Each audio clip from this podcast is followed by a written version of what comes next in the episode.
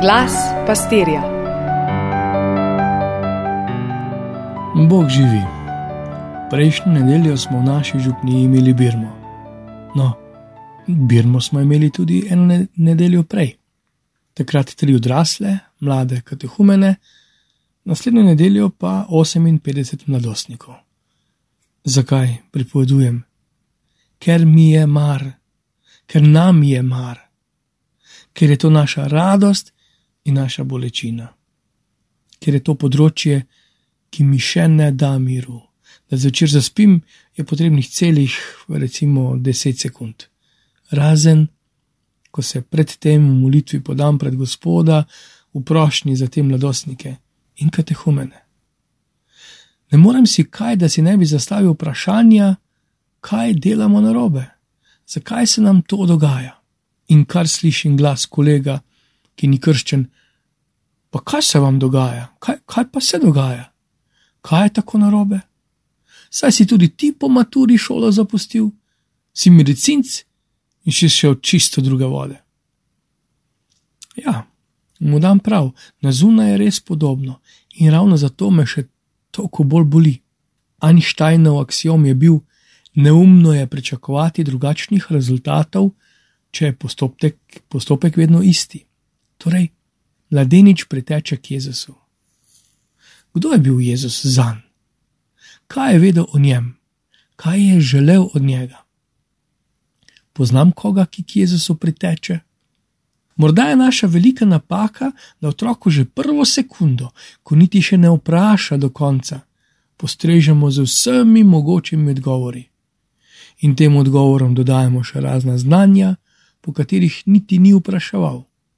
Znanju dodajemo pravila, pravilom načela, načela oblečemo v rituale, rituale prevedemo v obrede in to postane naše krščanstvo, naša vera. Skupek pravil, načel, ritualov preprosto bi lahko temu rekli, temu krščanstvu rekli folklora. Kako drugače pa zazveni, ko se zasliši, da ga je Jezus vzljubil. Imamo učenca, ki ga je Jezus ljubil, Janeza, pa čeprav je to ta isti učenec, ki je hotel klicati ogenj z neba, da bi pokončal nestrinjevalce. In tukaj vzljubi mladeniča, ki si prizadeva, ki se trudi ni samo na nivoju, da bi zapovedi poznal, uresničuje jih, živi jih. To, da ob Jezusu ni srečen, žalosten odide. Si predstavljate, biti razočaran nad Bogom, to pa je žalost. Recimo, biti nesrečen, pa obdarjen življenjem, biti obupan, pa čeprav si božji otrok, nekaj je res narobe. Včasih se v kakšnih skupinah igramo dinamiko. Če bi šel na samoten otok, bi vzel s seboj recimo pet stvari in potem razglabljamo in debatiramo. Ali če bi postavil družbeni red, no, lahko tudi samo pravila bivanja v vašem domu, katerih deset pravil bi se morali vsi držati. Ali če bi ujel zlato ribico, katero željo bi ti morala izpolniti da bom tudi po tej želji srečen in večen, in ne samo zadovoljen ali celo žalosten. V prvem berilu nam odgovarja pisec na našo uganko. Pravi: Molil sem in dana mi je bila pravdarnost, klical sem in name je prišel duh modrosti. Učili smo se, da smo bili pri Birmi deležni darov svetega duha, učili smo se. Kot smo se učili, da se lahko orientiramo po zvezdi Severnici. Pa vas vprašam, koliko krat ste se pa že orientirali po njej?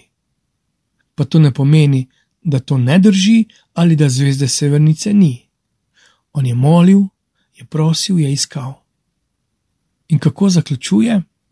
Hkrati z modrostjo pravi, so prišle k meni vse dobrine, po njenih rokah neizmerno bogatstvo. Puščavski očetje govorijo o tem, ko se odpreš eni kreposti, z njo pridejo druge sestre kreposti. Pa vam iz srca želim takega hitenja k Jezusu, še bolj pa molitve k svetemu duhu, da v vas, ki ste že bili pri Birmi, zaživijo njegovi darovi, da ne bo nihče od vas žalosten odhajal od njega, ne vedoč, da je bil pri izviru življenja, pri njem, ki gori in mu ne zmanjka ognja, pri njem, ki mrtvo obuja, obupno dela smiselno in prestrašeno osvobaja. Ja, tako ne bo razen skrbi, ki jih bomo sproti izročali v njegove roke, nič več žalosti, ki bi nas tlačila in morila in podila proč od njega. Zato vam vsem rečem, dragi birmanci, tudi tisti, ki to še boste, veselja v Gospodu vam voščim. Ne računajte na tisto, kar imate in kar znate in kar veljate, to prodajmo. Računajte, da ste ljubljeni Božji otroci. To si ponavljate in povejte še komu: Ti si tak ljubljen Božji otrok. Kako te potem jaz ne bi imel rad? Blagoslovljena nedelja, vse dobro.